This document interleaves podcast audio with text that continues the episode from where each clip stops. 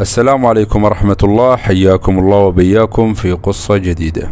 تسللوا إلى منزلها بعد منتصف الليل واقتحموا عليها الغرفة وقاموا بخنقها وتقطيع جسدها بكل وحشية وبدون أي رحمة. الدكتورة والعالمة السعودية سامية الميمني حاولت إنقاذ البشرية لكن نهايتها كانت مؤلمة وبشعة للغاية. وذلك بعد تعرضها لأبشع عملية اغتيال عرفت على الإطلاق. القصة لليوم جدا مهمة ومشوقة في آن واحد والمفروض تنشر على أوسع نطاق. في يوم 10 أغسطس سنة 2016 تفاجأ المواطن الأمريكي والمستشفيات الأمريكية بكارثة طبية. الكارثة الطبية أنه في نوع من الأدوية اسمه دارابريم. هذا الدواء حرفيا يعتبر كنز طبي. لأنه من الأدوية النموذجية المعتمدة لمكافحة الملاريا ومضاد لعدوى يسببها مرض نقص المناعة واللي هو عافانا الله وإياكم بيعالج عرض من أعراض الإيدز. هذا الدواء معتمد وموجود في السوق الأمريكية من سنة 1953 ومن لحظة وجود هذا الدواء وهو مسعر بسعر عادي ومنصف وفي متناول الجميع. والحد سنة 2015 وهذا الدواء مسعر ب 13 دولار ونصف. يعني من تاريخ إنتاجه لتاريخ 2015 وهذا الدواء مسعر بسعر مناسب. لكن اللي حصل بسنة 2016 إنه في شاب أمريكي اسمه مارك شكال. هذا الشاب كان يشتغل مدير صندوق في شركة تمويل أمريكية. وهاي الشركة بالأساس تشتغل وتستثمر بالمنتجات الطبية والصحية. المهم إنه هذا الشاب اللي اسمه مارك اشترى داخل هاي الشركة أسهم حقوق تصنيع وإنتاج هذا الدواء. يعني نقدر نقول إنه مارك تحكم بتصنيع وبيع هذا الدواء فنقدر نقول إنه استحكر هذا الأمر نفسه الحد هنا أقول لك الأمور تمام تقول لي تمام. أقول لك ابدا مو تمام. لأنه بسنة 2016 وفجأة بعد ما كان المواطن الأمريكي يدخل على الصيدلية ويشتري هذا الدواء اللي اسمه دارا بريم ب 13 دولار ونصف تفاجأ انه السعر قفز إلى 750 دولار. يعني نقدر نقول نسبة زيادة وصلت لل 5000% طبعا المستشفيات والمواطن الأمريكي الكل صابوا حالة هلع ودهشة. يعني شلون لحد يومين يشترون بسعر 13 دولار ونصف لهذا المنتج وبعشية وضحاها يقفز لل 750 دولار. مما تسبب بحالة غليان في الشارع الأمريكي. والكل اتهم هذا الشاب بالفساد وأنه راح يتسبب بموت الكثير من المواطنين الأمريكيين. واللي هم بحاجة لهذا الدواء بسبب جشعوا وطمعوا في ناس كثير ما عندهم قدرة يشتروه بهذا السعر الخيالي. المهم على الرغم من كل هاي الاحتجاجات إلى أن الشاب مارك رفض ينزل من سعر الدواء دولار واحد. واللي زاد الطين بلة أنه هذا الشاب خرج بمقابلة ووجه له أحد الصحفيين سؤال هل لو رجع فيك الزمن إلى الوراء راح تتخذ نفس القرار؟ قال نعم ولربما رفعت السعر أكثر من ذلك. لأنه من حقي الطبيعي أنه أحقق أرباح لنفسي وللمساهمين معي بالشركة. فاللي صار إنه بعد هاي المقابلة زادت حالة الاحتقان والغليان ضد هذا الشاب لحد ما تم استدعائه للتحقيق أمام لجنة في الكونغرس الأمريكي. وهناك سألوا المدعي العام سؤال في حال لو إجتك امرأة حامل وفقيرة ومصابة بمرض الإيدز وهاي السيدة متوقفة حياتها على أنه تتناول عقار دار بريم وممكن لما تتناول هذا العقار راح تتماثل للشفاء. في هاي اللحظة شلون راح تتصرف؟ وهل يا ترى راح يكون عندك الاستعداد لاحقا إنك تقلل من سعر هذا الدواء؟ فما كان من الشاب جاك إلا ضحك هاي الضحكة السمجة اللي شايفها أمامك. ورد على المدعي العام بموجب القانون والدستور يحق علي عدم الإجابة على السؤال. وبالفعل خرج هذا الشاب من الجلسة لا أخذوا منه حق ولا أخذوا منه باطل. واستمر هذا العقار بسعره المرتفع من سنة 2016 لحد يومنا هذا. لدرجة أن الشعب الأمريكي أطلقوا لقب على هذا الرجل بأنه أكثر شخص مكروه في الولايات المتحدة الأمريكية. ولك أن تتخيل الأرباح والعائدات السنوية اللي رجعت لهذا الشاب مارك وشركائه في الشركة بعد ما قرروا يرفعوا سعر منتج واحد من الأدوية اللي عندهم. ومشان ما تتعب حالك عزيزي المستمع وتضربها أخماس بأسداس وتبحث راح أصدمك بالأرقام اللي جاي. وخلي ببالك أنه هاي الأرقام هي أرباح سنة 2020 فقط. الشركة الأولى واللي اسمها نوفر تيس واللي تمتلك حقوق تصنيع أدوية السرطان حول العالم وصلت أرباحها السنوية لسنة 2020 45 مليار دولار. شركة جونسون وصلت أرباحهم السنوية ل 39 مليار دولار أيضا مختصة بالأدوية شركة روشا السويسرية واللي مسيطرة على تصنيع 25 دواء حول العالم وصلت أرباحهم لل 40 مليار دولار سنة 2020 فقط. وشركة سانوفين الفرنسية أيضا وصلت أرباحها لل 40 مليار دولار في سنة 2020 وأزيدكم من الشعر بيت أنه داخل هاي الشرك المختصة بإنتاج الدواء على أقل تقدير يوجد من الخمسين للمئة ألف عامل. وصار فينا نقدر نقول أنه هاي الشركات مسيطرة على إنتاج الأدوية بشكل كامل حول العالم. طيب أنا ليش ذكرت لكم هذا الموضوع داخل المقدمة؟ وإيش علاقته باغتيال الدكتورة السعودية سامية الميمني؟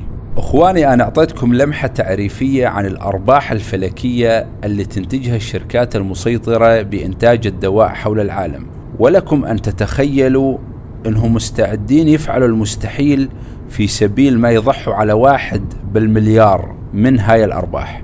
وترجع مرة ثانية وتسألني طيب إيش أهمية الكلام اللي ذكرناه؟ الكلام اللي ذكرناه هو أصل وبداية ونهاية كل حكاية وكل مشكلة تراها حولك في العالم. وتنطلق حكاية طريقنا اليوم في 8 أغسطس تحديدا سنة 1955 في محافظة الإحساء التابعة للمنطقة الشرقية في المملكة العربية السعودية اتولدت الطفلة السعودية سامية عبد الرحيم الميمني. وسامية هي عضو من عائلة بارزة في العلم بالمملكة العربية السعودية. المهم من أيام ما كانت طفلة لاحظ عليها الأب علامات الذكاء والنبوغ الغير عادي. في السابق ومثل ما حضرتكم تعرفون كانت الأمور التعليمية مختلفة تماما عما تشهده المملكة اليوم. لكن وعلى الرغم من كل الظروف الصعبة في ذلك الوقت الأب وأول ما بنته وصل المدرسة أصر على أنه يلحقها بالدراسة. هذا الكلام كان سنة 1961 وبالفعل ومن أول سنة قدرت سامية أنه تلفت أنظار كل المعلمين والمدرسين اللي حواليها لدرجة أنه الجميع والكل كان يتنبأ لها مستقبل عظيم جدا. وعدت الأيام على هذا الحال ومرت سنة ورا سنة لحد ما صارت سامية في المرحلة الثانوية. أول ما وصلت سامية للثانوي يحصل هذاك الحادث اللي كان نقطة تحول حياتها بالكامل. في يوم من الأيام يصل الخبر لهم أنه والد سامية عمل حادث بالسيارة ونتج عن هذا الحادث إصابة والد سامية بكسر مضاعف في الجمجمة. وتم إسعافه مباشرة إلى المشفى وقام الأطباء بكل اللي يقدرون عليه. لكن كانت إرادة الله تعالى أنه يسترد وديعته ويلقى وجه الكريم. توفاه الله. سامية بهذا التوقيت أصيبت باكتئاب وحالة نفسية بمنتهى السوء. ولكن كل اللي أدركته بهذاك الوقت وقدرت إنها تستوعبه أنه سبب موت والدها بعد إرادة ربنا سبحانه وتعالى هي حاجة اسمها جراحة المخ والأعصاب. وأدركت أيضا أنه هذا التخصص غير موجود في المملكة بالكامل. وفهمت أنه لو هذا التخصص كان موجود داخل المملكة كان ممكن أنه يكون سبب بعد إرادة ربنا سبحانه وتعالى أنه والدها يتم إنقاذه ويبقى على قيد الحياة. وبالفعل سامية الميمن من هذا اليوم أخذت القرار. قررت أنها تبذل قصارى جهدها من أجل أنها تلتحق بالمدرسة أو بكلية الطب ولاحقا أنها تقدر تتخصص مجال المخ والأعصاب. وبالفعل عدت الأيام وخلصت المرحلة الثانوية وحصلت على مجموع يأهلها أنها تلتحق بأي كلية هي تختارها. وفي يوم تخرجها تحديدا حصل موقف من هذيك المواقف اللي تقدر تسميها بالقدريات. طبعا وبعد ما ظهرت نتائج الثانوية العامة بدأوا الأهل والأقارب يتواجدون بالبيت من أجل أنهم يقدمون التهاني. كل اللي كانوا موجودين حول الدكتورة سامية كانت الفرحة مواسعتهم ألا إنسانة وحدة بس واللي هي والدتها. وعلى حسب رواية إحدى صديقات الدكتورة سامية أن والدة الدكتورة سامية كانت حاسة بهذا اليوم بحالة انقباض شديدة جدا. وزادت هاي حالة الانقباض أكثر وأكثر لما بدأوا يقعدون معاها ويسألونها. يسألونها عن الكلية اللي هي ناوية أنها تلتحق بيها. ردت عليهم الدكتورة سامية وقالت أنها ناوية تلتحق بكلية الطب وفيما بعد تتخصص في مجال جراحة المخ والأعصاب. وبهذا الشكل راح تكون أول طبيبة ودكتورة سعودية تكون متخصصة على مستوى المملكة بهذا التخصص. واحد من الأهل والأقارب رد عليها وبشكل عفوي بهاي الحالة أنت معناها يا دكتورة سامية راح تبقي مثل الدكتورة سميرة موسى بالضبط. يعني أنت مستقبلا بعد ما تخلصي من هذا التخصص راح تصيري مثل الدكتورة سميرة موسى بالضبط. الكلمة هاي نزلت على مسامع والدة الدكتورة سامية مثل الصاعقة وزادت عندها حالة الانقباض وردت عليهم مباشرة. قالت يا ساتر يا رب تصير مثل الدكتورة سميرة موسى وبعدها تنقتل؟ الله الغني. أنا كل اللي أريده أنها تصير دكتورة وتخدم أهلها وأهل بلدها. المهم أنها بعد ذلك بالفعل التحقت آه، بكلية الطب التابعة لجامعة الملك فيصل بالمنطقة الشرقية وكملت دراستها بتفوق منقطع النظير. لدرجة أنها حصلت على بكالوريوس الطب في سنة 1981 وفيما بعد تم تعيينها كأستاذة جامعية في جامعة الملك فيصل. ولكن طبعا التخصص اللي هي كان بدها إياه ما كان موجود داخل المملكة تخصص جراحة المخ والأعصاب. وهي بنفس الوقت كانت مصممة على هدفها ومستحيل تتنازل عنه يعني هذا الأمر كان حلم بالنسبة لها. بعدها بدأت هنا الدكتورة سامية تراسل مكتب الدراسات العليا في إحدى جامعات كاليفورنيا. وطلبت منهم أنها تدرس هذا التخصص تحديدا عندهم. ومثل ما هو معروف أنه بأيام الثمانينات ما كان في مرحلة النت وهذا التطور الغير مسبوق يعني. آه، فكانت تبعث الرسالة وتنتظر يعني وقت أكثر آه، لحتى يصلها الرد.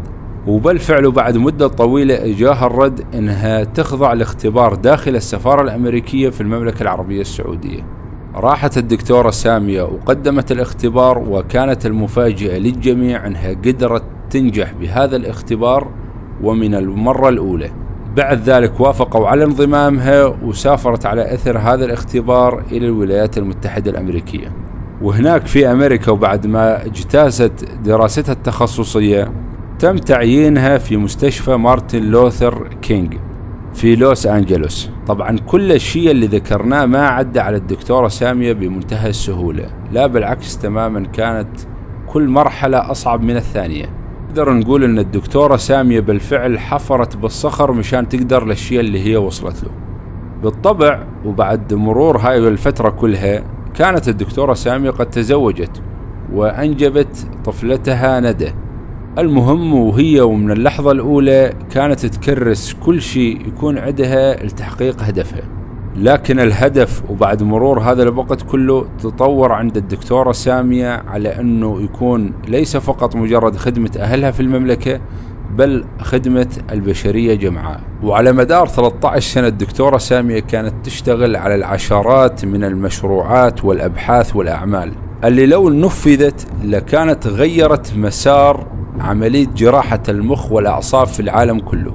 وكانت قد تكون بمشيئة رب العالمين بأقل التكاليف وتقليل نسبة الوفيات. غير عشرات المشروعات والأبحاث العلمية اللي هي قدمتها قدرت الدكتورة سامية أنها تقدم ثلاث اختراعات مهمين جدا جدا للغاية. الاختراع الأول وببساطة كده يعني كان اسمه كونغ. عن طريق هذا الاختراع وبإذن رب العالمين كانت الدكتورة سامية أنها تقدر تتحكم بالخلايا العصبية في توقيت محدد وفي حركات محددة. أما الاختراع الثاني فكان جهاز اسمه مارس. هذا الاختراع كان دوره أنه يشتغل على الكشف المبكر للخلايا السرطانية. أما الاختراع الثالث هذا كان حكايته حكاية. هذا الجهاز المهم والخطير للغاية كان عبارة عن جهاز للاسترخاء العصبي. وهذا الجهاز كان مكون من مجموعة من الوحدات المعقدة والدقيقة للغاية بالإضافة أنه كان يشبه محاكاة الأجهزة الإلكترونية. بمعنى أنه كل وحدة من الوحدات الدقيقة جدا كأنها تحاكي جهاز كمبيوتر كامل.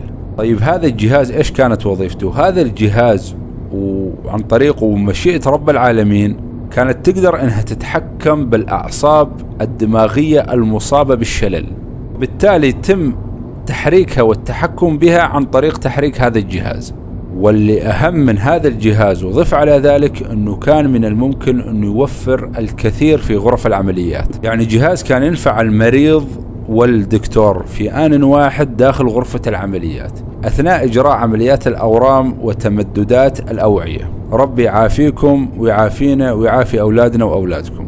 يعني هذا الاختراع حرفيا كان كفيل إنه يوفر كل الكلام اللي ذكرناه. المهم جت الدكتورة سامية وبعد ما انتهت من الكثير من هاي المشاريع وانتهت من هالثلاث اختراعات جابت هاي الاختراعات وقدمتها مشان تحصل على شغلة اسمها براءة اختراع.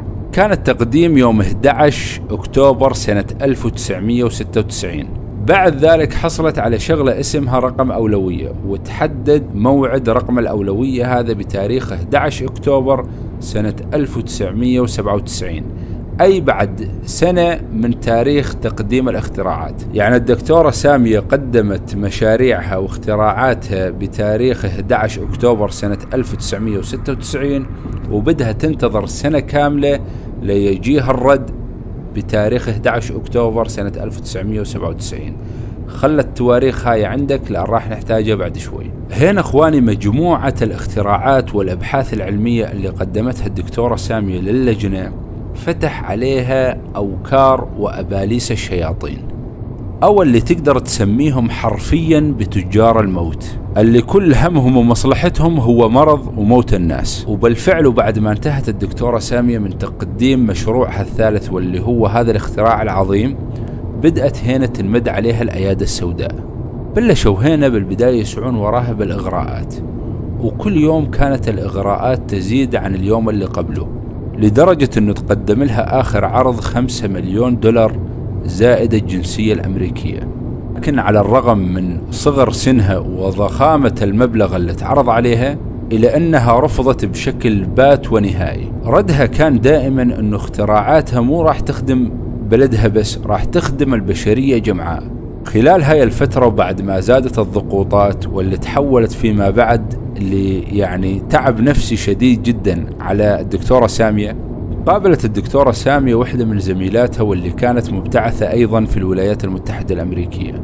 المقابلة اللي حصلت بين الدكتورة سامية وصديقتها تمت يوم 5 مارس سنة 1997 وكان في منطقة اسمها بال بيتش في ولاية فلوريدا الأمريكية. على فكرة هاي المقابلة اللي تمت بهاي المدينة ما كانت فقط بين الدكتورة سامية وصديقتها بل كانت عبارة عن مجموعة من الطالبات والدكتورات السعوديات المبتعثة في الولايات المتحدة الأمريكية.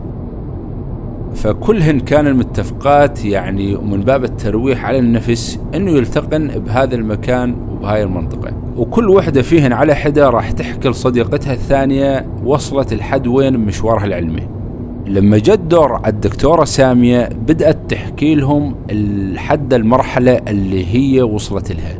من ضمن الكلام اللي قالته واللي حكته أيضا الشاهدة في المقالة اللي هي كتبتها قالت الدكتورة سامية لصديقاتها أنه أنا انعرض علي خمسة مليون دولار بالإضافة للجنسية الأمريكية في سبيل أني أوقف أبحاثي ومشروعاتي الطبية والعلمية وأتخلى وأتنازل عن الاختراعات اللي قدمتها.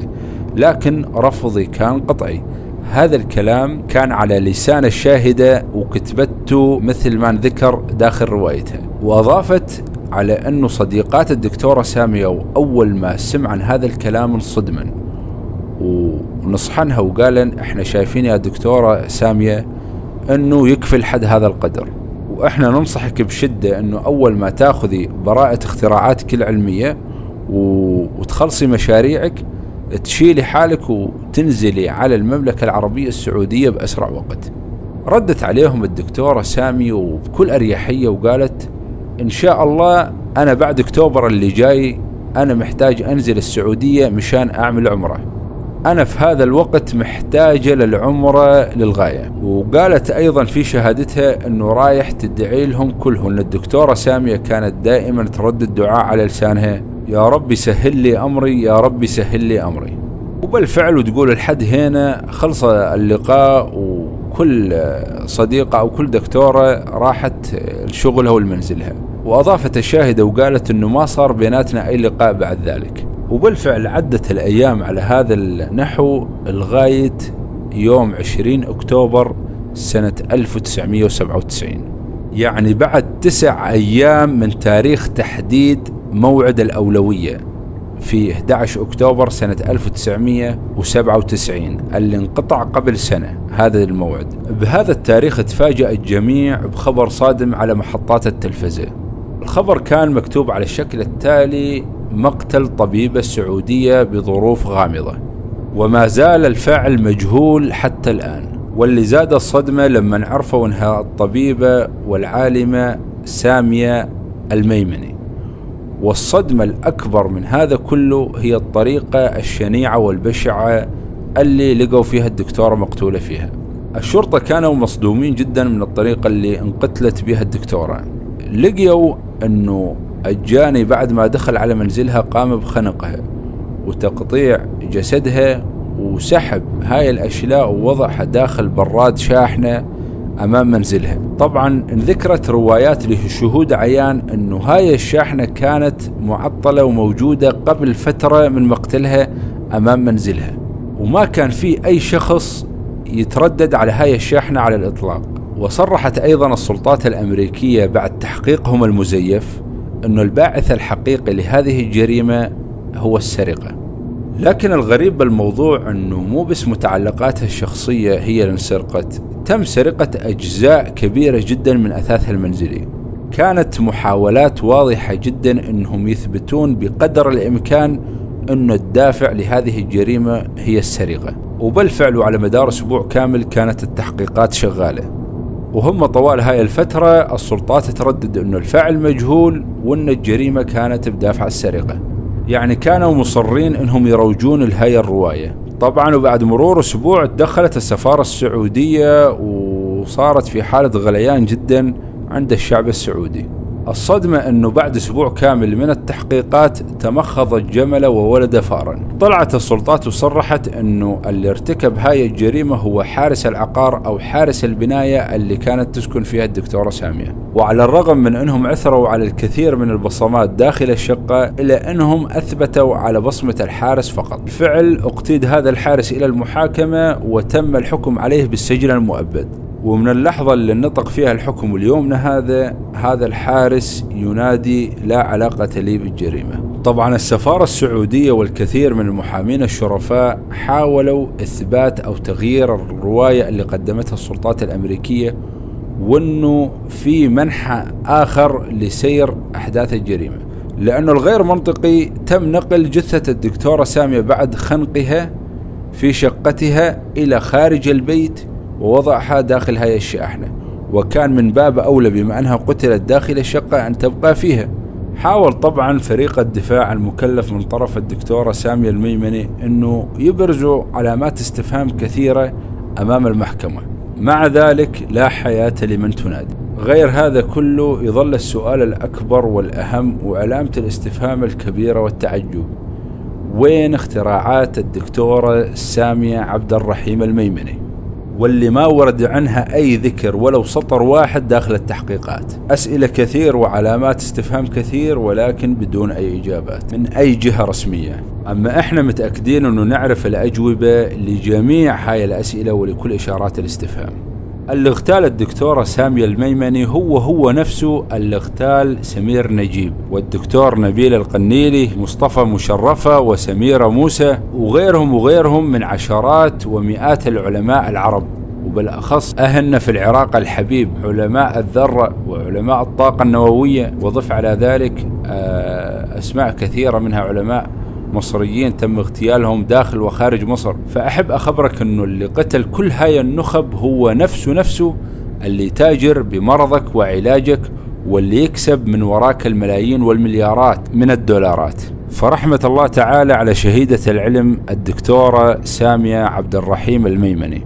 ورحمة الله تعالى على كل عالم تم اغتياله على يد خفافيش الظلام وتجار الموت. ولحد هنا اخواني نكون وصلنا لنهاية قصتنا اليوم. لا تنسونا من زر اللايك ووضعوا رأيكم داخل التعليقات وشاركوا الفيديو على أوسع نطاق. بالإضافة راح أضع داخل صندوق الوصف رابط حسابي على منصة بودكاست لمحبين المحتوى الصوتي. وأتقدم بالشكر لكل شخص سأل عني واستفسر عن سبب انقطاعي عن القناة واللي هو لضغوط عمل خالصة. في محاولة مني لمواكبة تيار الحياة الذي يكاد يكون جنوني في المدينة التي أعيش فيها. لكني أوعدكم حبايبي أني راح أشتغل على قدم وساق وأكثف الجهود مشان ما أوقف النشر على هاي القناة. وبالتأكيد قبل ما نختم ما ننسى الدعاء لإخواننا في فلسطين كافة وفي غزة خاصة. اللهم يا من لا يخلف وعده ولا يغلب جنده وليس لنا إله غيره. اللهم كل أهلنا في غزة عونا ونصيرا وسندا ومعينا وظهيرا. اللهم رد كيد الصهاينة عنهم اللهم وانصر من نصرهم واخذل من خذلهم. اللهم وتقبل شهداءهم في عليين مع النبيين والصديقين وحسن أولئك رفيقا. اللهم آمين اللهم آمين. استودعكم الله الذي لا تضيع ودائعه. والسلام عليكم ورحمة الله وبركاته.